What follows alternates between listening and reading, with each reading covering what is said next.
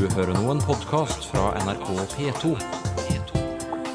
nrk.no-podkast. Ja, sjø, men jeg tror det gjør seg at det går bra. Nei,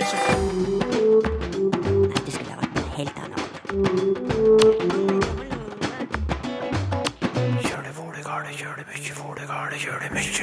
Vi bøyer oss i hatten og kryper til det sure korset.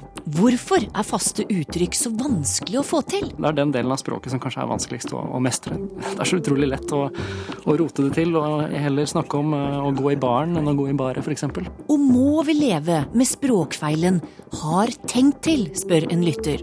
Er saken tapt? Altså, Irritasjonen har vært uttrykt i, i hvert fall 20 år etter det jeg har klart å se. Og graden av irritasjon kan se ut til å være avtakende med alder. Vel møtt til Språkteigen. Ordtak og faste uttrykk kan være en utfordring. Vi bøyer oss i hatten og kryper til det sure eplet rett som det er. Ingvild Eskeland er ei av de som sliter. Hun oppfatter uttrykk så konkret at hun av og til ikke klarer å se forbi det bildet som hun får i huet. Hun skriver til oss. Når jeg hører ordet hjørnesteinsbedrift, så ser jeg en steinleggingsbedrift og en hjørnestein. Og hører jeg uttrykket huet under armen, ja, så er det nettopp det jeg ser. Går det an å gi et svar på hvorfor dette skjer, spør hun, og hvorfor sliter vi med faste uttrykk? Jeg spurte lingvist Georg Kjøll. Det er den delen av språket som kanskje er vanskeligst å, å mestre. Så, så, det at Ingvild tenker litt ekstra over det, eller uh, får litt uh, uvanlige assosiasjoner uh, til innholdet i uttrykkene, det tror jeg hun ikke er alene om. Men hvorfor er det så vanskelig? Det, det, har mye å gjøre med at uttrykkene ofte er det vi kan kalle lite gjennomsiktige. Så selv om du vet hva ordene betyr, så du vet hva et hjørne er og du vet hva en stein er, så det er ikke nødvendig, nødvendigvis sånn at du skjønner hva en hjørne, hjørnestein er. Og når du da i tillegg får det sammen med en bedrift, så, så, er det plutselig vanskelig å analysere seg fram til hva, hva uttrykket egentlig skal, skal, betegne. Men hva er det som er Ingvilds store utfordring da, spesielt? At hun kanskje tenker på disse uttrykkene, eller kanskje generelt, er en person som tenker ganske visuelt. Noen språkbrukere har en, har en, tendens til å tenke litt mer i bilder enn andre. Så hvis du har veldig tette assosiasjoner mellom, mellom det visuelle og det språklige, så er det fort gjort å bli, bli distrahert av sånne ting. Og det er mange ord og betydninger å gå seg vill i. Hva er hoser, eksempel? Og hvorfor skal de absolutt være grønne? Hva er monner? I alle monner drar? For ikke å snakke om kameler. Hvordan havna dem hos oss sammen med verbet å sluke? Det foregår mye skittentøyskasting om dagen. Og hvor i all verden er det denne bøyinga egentlig skal foregå? I hatten eller i støvet? Heidi Weng valgte hatten i et intervju under OL i Sotsji, og senere har hun parodiert seg sjøl på det. Ja, det er rett og slett enkelt å si at det er bare å bøye seg i hatten for Kari i dag. Hun er rå, liksom. Og flere med Heidi Weng velger dette nye krumspringet, da de enten skal ta av seg hatten eller bøye seg i støvet for noe. Slike krumspring fascinerer den både filosofi- og språkutdanna Georg Kjøll, som snart kommer med boka 'Alle nonner drar'. Dette var eh, observasjoner jeg hadde gjort eh, ved å studere språk og ved å, å være språkinteressert, og så at folk, veldig mange, brukte disse uttrykkene, sånne fastuttrykk feil, og var usikker på opphavet til de, og gjorde sånne små, subtile ting som egentlig eh, førte til eh, artige misforståelser. Altså Utgangspunktet var vel en uh, samtale jeg hadde på pub en gang med hun som uh, jeg nå er gift med, som sa at hun uh, syntes at vi heller ikke burde planlegge så mye, men heller ta noe på sparken. Uh, og, da, og, det er jo veldig liten forskjell på det uttrykket å ta noe på sparket. Uh, men uh, litt som med, litt med Ingvild, så fikk jeg de visuelle assosiasjonene til noen som tok alle problemene sine på sparken og løp av gårde med de. Kjøll tror det er flere grunner til at vi roter oss bort i uttrykka. For det første er det jo så mange like. Kryptikorset, for eksempel, ligner jo litt sånn i innhold på å bite i det sure eplet, og da er det veldig fort gjort å ende opp med å krype til det sure korset isteden. mange ord er òg like.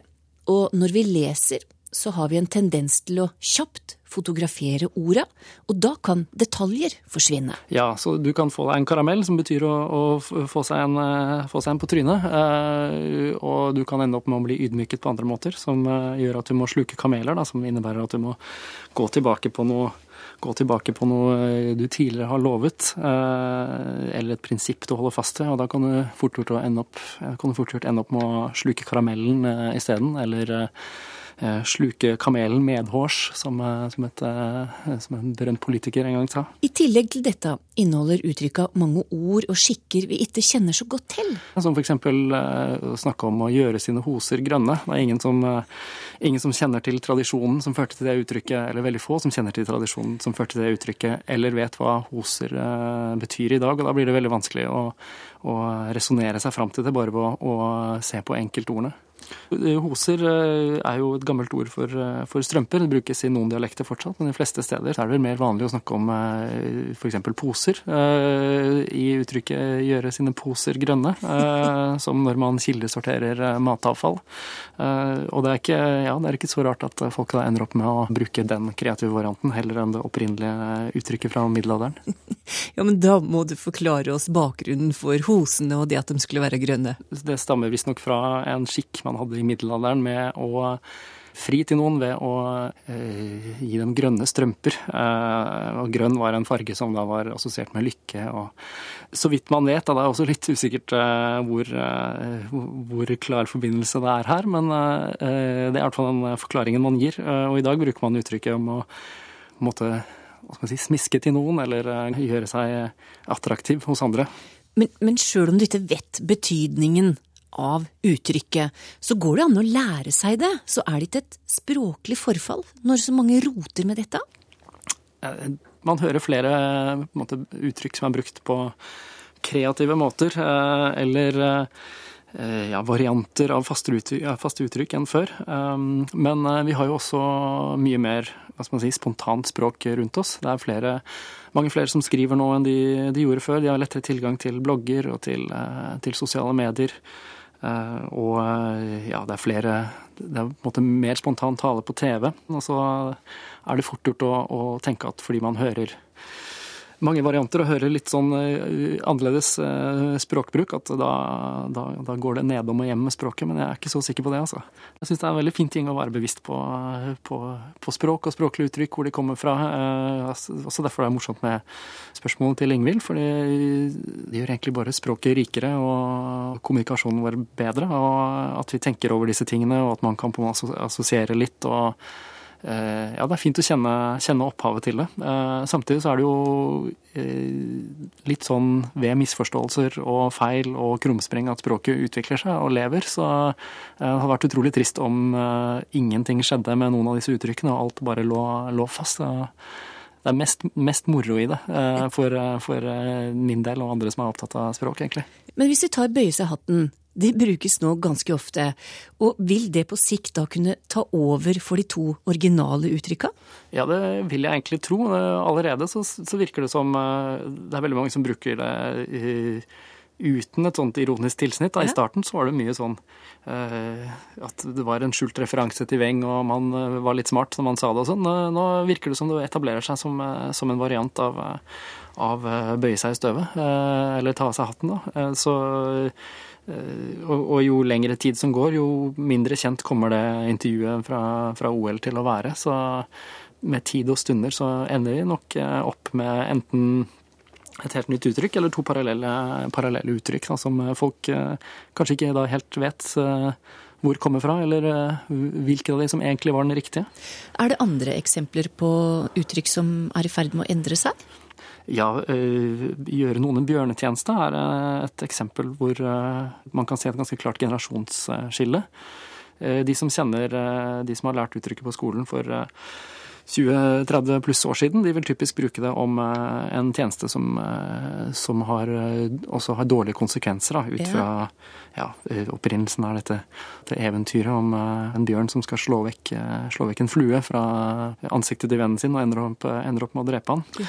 Så da vet man jo, hvis man har hørt den historien, at en bjørnetjeneste er jo ikke noe man har lyst til å gjøre, gjøre mot andre. Men hvis man ikke kjenner historien og kanskje er vant til å høre ord som bjørneklem, eller eh, tenker på bjørner som store og flotte dyr, så tenker man kanskje på bjørnetjeneste også som en eh, stor tjeneste. Eh, og det er et uttrykk som nå har forskjellig mening for forskjellige folk. Så eh, i, eh, i Danmark så har de allerede etablert det er bjørnetjeneste som to ulike, to ulike uttrykk. Da. Så hvis man slår opp i ordbøkene her, så kan det bety en av to deler. Enten en stor tjeneste eller, eh, eller en, eh, en tjeneste som har eh, dårlige konsekvenser. Og det er litt den samme prosessen vi ser, vi ser i Norge nå.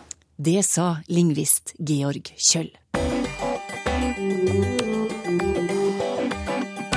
Språkteigen står på flyttefot. Nei, vi skal ikke flytte fra radioen og P2, men vi flytter på Facebook. Det vil si, Språkteigens Facebook-side forsvinner snart og blir en del av den som heter NRK P2. Ja, hva så, sier du kanskje? Eller hæ, hvorfor det?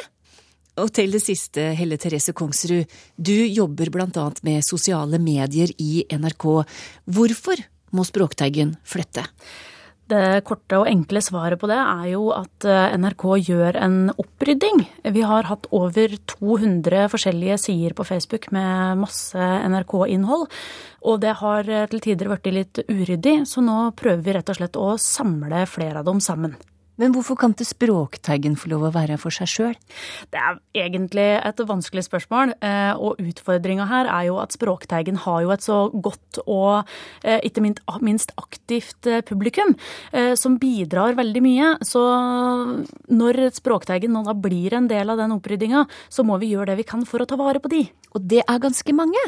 Det er eh, en del tusen følgere vi har.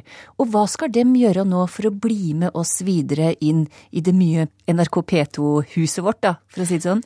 Ganske snart så kommer de til å få en, eh, en, notifikasjon i Facebook der det står at Språkteigen har skifta navn til P2. Eh, det som egentlig har skjedd, er at Språkteigen har smelta inn i P2. Eh, så derfor så behøver de egentlig ikke å gjøre noen ting, bare fortsette å følge med, og sjølsagt da bruke sida aktivt og sende meldinger inn til Språkteigen. For du vil jo fortsette å følge med på meldinger som kommer inn? Ja, og jeg vil gjerne fortsette å få spørsmål. Ris og ros og spørsmål og ideer til saker saker. Så det vil det fortsatt være mulighet for. Det vil det. Det eneste det kreves bitte, bitte, bitte litt eh, fra lyttere eh, som sender inn spørsmål, det er at vi vil veldig gjerne at de skal merke meldinga si med Språkteigen. Eh, fordi her er det flere som skal sitte og administrere dette. Så for at du skal få lytterspørsmål på riktig sted, så er det greit at du har det merket, Språkteigen. Mm. Da har vi gitt svar på til dem som sa 'hæ'? Hvorfor det? Og så kan vi jo si til deg som sa jaha, hva så? Jo, fordi jeg vil veldig gjerne fortsette å få spørsmål, for dere er jo med på å skape den sendinga hver eneste søndag. Så eh, Helle, det gjenstår bare å spørre, når er det dette her skjer? Det er jo egentlig òg et godt spørsmål. Det er ikke helt i våre sender. For vi sender fra oss et skjema til Facebook, og så gjør Facebook dette her litt sånn gradvis. Men i løpet av den neste uka, vil jeg tro. I løpet av neste uke altså så flytter Språkteigen på Facebook fra sin egen side til NRK P2. Bli med oss videre der.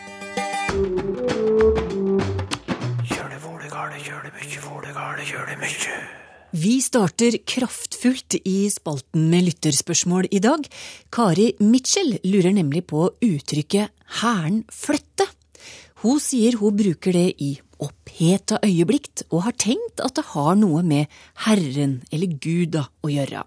Altså et kraftuttrykk som påkaller hans vrede inngripen i en situasjon. Nå skal du hæren flytte meg få vite hvor David kjøpte ølet. Men det fins òg tolkninger som involverer hæren, altså noe militært, så hvilken tolkning ligger egentlig til grunn, spør hun, og jeg sender spørsmålet galant videre til deg, Toril Oppsal. Der er det nok den første eh, varianten som stemmer. Eh, det er Herren og Herrens inngripen som er ute og går. Dette begrunner jeg at verbet her, det er nok en såkalt konjunktivform. Det er de formene som nettopp forekommer i kombinasjonen religion og kraftuttrykk. Så hvis du ja, noen sarte sjeler bør kanskje skru ned lyden akkurat nå. For dette her, det dreier seg om fanden piske og snurre og fanden steike meg og pokker ta og Gud bevare og, og den typen uttrykk. Eh, det er nok her hæren flytter meg dukker opp. Det fins humoristiske tekster, ser jeg også, der hæren, som eh, i det militære, mm. forekommer. Men jeg har vanskelig for å tro at dette er noe annet enn et ganske klassisk ekspressivt, følelsesmessig utbrudd med en lett forvirring av Herren.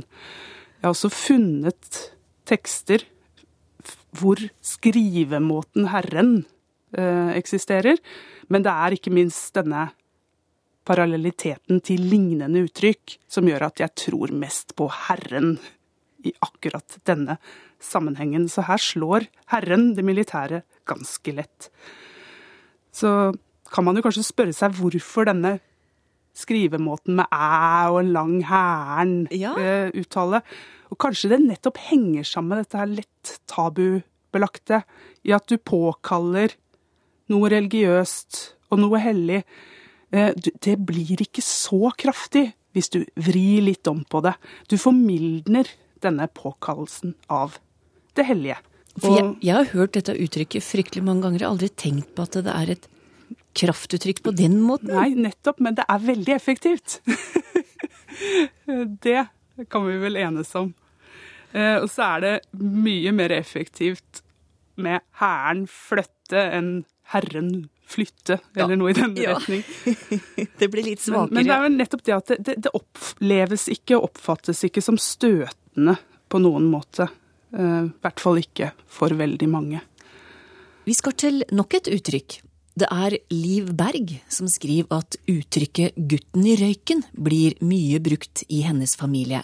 Men hvor kommer det fra? Ja, når kom dette uttrykket inn i språket? Eh, vi finner det i bøker helt fra slutten av 1890-tallet, så dette her er et gammelt uttrykk. Vi kan kjenne igjen noe lignende i ordtak og ordspråk som 'den som sitter lågt, han kjem ikkje opp i røyken'. Det skriver Ivar Aasen. Mm. Eh, og dette her betyr at den som sitter lågt og ikke kjem opp i røyken, han får ikke være med blant de store. Røyk her dreier seg nok om en overført betydning av lukt eller tev. Det dreier seg om et rykte et nyss eller en forventning, så ryktet løper foran gutten i røyken. Mm. Han er den aller mest dugende karen som alle snakker om.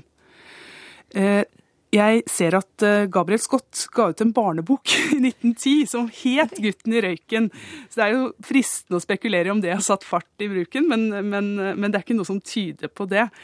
En annen litt artig sak, det er jo at jeg veit ikke om lytteren Liv Berg er bosatt i Buskerud, men uh, Røyken mm. Rotary-klubb de har tradisjon for å dele ut en hederspris som heter hva tror du? Gutten i røyken. Gutten i røyken.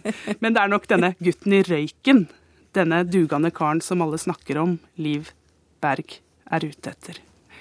Carl Fredrik Petlund har sendt eh, et eh, spørsmål, og det har han gjort etter å ha hørt meg i en tidligere sending, hvor jeg prater om skula. Og da sier han det, hm, det syns han var litt underlig, for dette er jo ikke et hunnkjønnsord. Så hvordan kan jeg da bruke a-ending på skula, altså i bestemt form entall? Ja, eh, det er helt riktig som Carl Fredrik Petlund skriver at substantivet skole eller skule det er normert som maskulinum. Mm. Både på bokmål og nynorsk. Eh, og ordet er hannkjønn også i norrønt, men i mange, mange norske dialekter så er skole faktisk et hunnkjønnsord. Det gjelder store deler av Nord-Norge, det gjelder et langt strekk av Hedmark inn mot svenskegrensa, mange dalfører i Sør-Norge, flere steder i Hallingdal f.eks., så er dette et hunnkjønnsord. Eh, så kort sagt så er det såpass mange tradisjonelle norske dialekter som behandler skole som hunnkjønnsord, i tillegg til at du har noen grammatiske fenomener som gjør at du kan høre denne a-en også steder der hvor det er et hannkjønnsord. Så sannsynligheten for at du hører dette på radio, er veldig, veldig stor. Eh, og du, Torunn, har nok god dekning for skole som et hunnkjønnsord i din dialekt.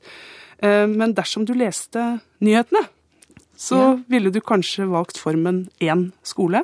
Mm. Men når du introduserer en sak på din dialekt, så er det ikke uventa med ei skole. Og hvis jeg skulle skrive det, så måtte jeg vel skrive da én skole. Yes. Carl Fredrik Petlund skriver at han har hørt i muntlig tale at en setning kan gå noe sånn som dette. Han gikk i skula i Volda.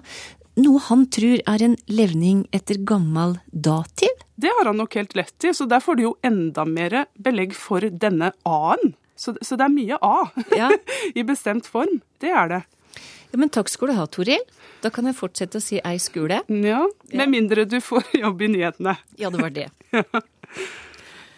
Marie Estelle Levi Krüger spør hva er bakgrunnen for svart og hvitt arbeid, og har det et rasistisk eh, opphav?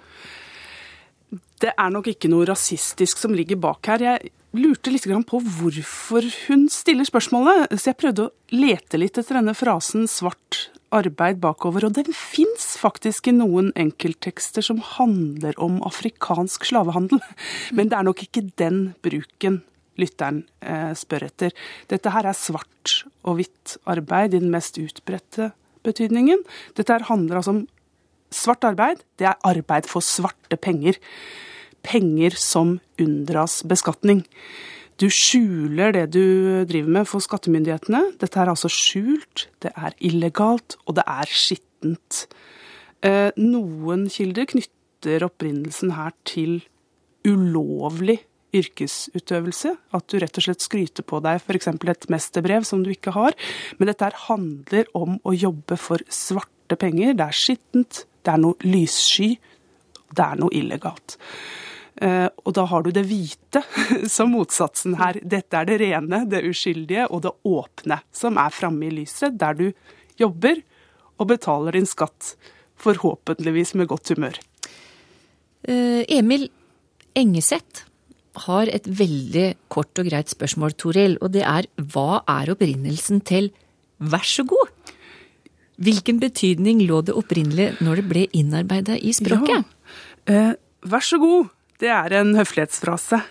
Eh, den bruker vi når vi tilbyr noe, eller når vi innbyr til noe. Og så vidt jeg har klart å finne ut av, så har denne frasen vært i bruk veldig, veldig lenge. I sin form. Helt tilbake til midten av 1700-tallet. Og selv om frasen bærer preg av å være en formel, vær så god, du hører bare lyden, vær så god, Ja. hva, hva er dette for noe? Altså, hvis vi da bryter det ned til ordene vær så god, så er det nok rett og slett den konkrete betydningen som ligger her. En oppfordring om å være grei. Eh, Vi opererer jo med varianter som vær grei og vær søt og i andre høflighetsfraser. Så være og god. Vær så god. Forsyn deg med en kake til. Vi skal til et spørsmål som jeg vet at mange går rundt og irriterer seg over. Og Svein Erling Lode er en av dem. Han lar seg irritere av denne snodige språkfeilen som han har sendt et stort bilde av, eller lagt det på Facebook-sida vår. Og det er dette herre tenkt til, for det heter vel tenkt på, skriver Svein Lode. Svein Erling Lode. Er det dumt av meg å irritere meg, for er saken tapt? spør han. Eh, Dette er, dette er veldig, veldig godt spørsmål. Eh, Og jeg, nå har jo Svein Erling Lode jeg vet ikke om han har laga det sjøl, men det er et svært fint skilt hvor det står Det heter ikke 'tenkt til', det heter 'tenkt på'. Ja. Men her må jeg få lov å prøve meg, i hvert fall, på å finne noen steder der 'tenkt til' passer.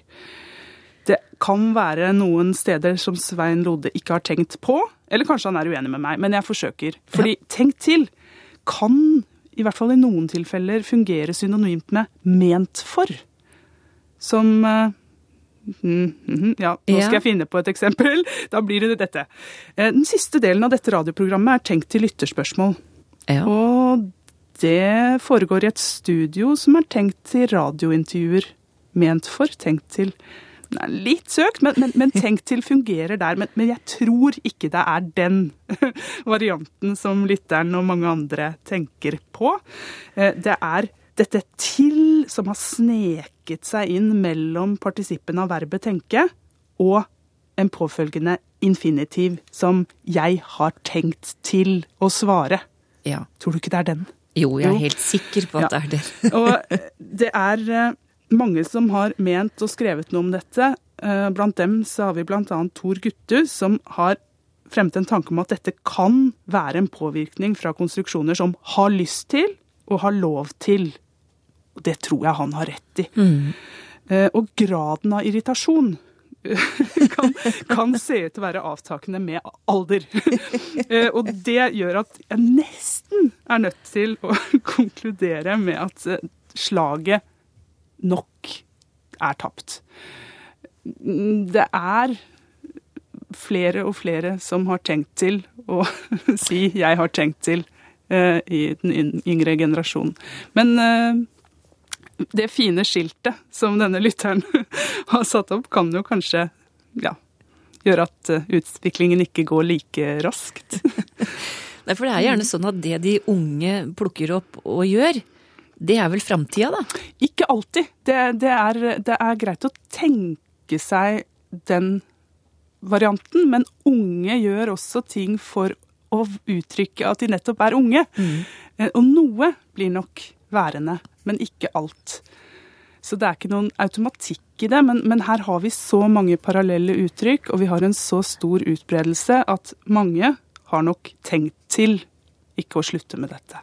Når var det det dukka opp i språket, vet du det, Toril? Nei, det vet jeg ikke. Nei. Eh, men det har vært Altså, irritasjonen har vært uttrykt i, i, hvert fall 20 år etter det jeg har klart å se, så, så, så, så det er nok ikke særlig nytt. Men når man da endelig har slått seg til ro med at man har tenkt til noe, så er det andre ting dette verbet 'tenke' gjør, som, som også skaper irritasjon. Og det lurer jeg på om vi har vært inne på i Språkteigen tidligere. Det er når noen sier at de tenker at, um, når de faktisk mener noe. Ja. Mm -hmm. mm. Og da tenker jeg at det er verdt og tenke mer på det man har tenkt til å gjøre. Så, så her har vi irritasjon nok for, for, minst to generasjoner til, tror jeg. Jeg tror jeg vi stopper der. Ja. ja. nå tror jeg det er like greit at jeg har tenkt å avslutte hele Språkteigen for denne gang. Takk til deg, Toril Oppsal. Språkteigen er sjølsagt på plass igjen om ei uke. nrk.no podkast.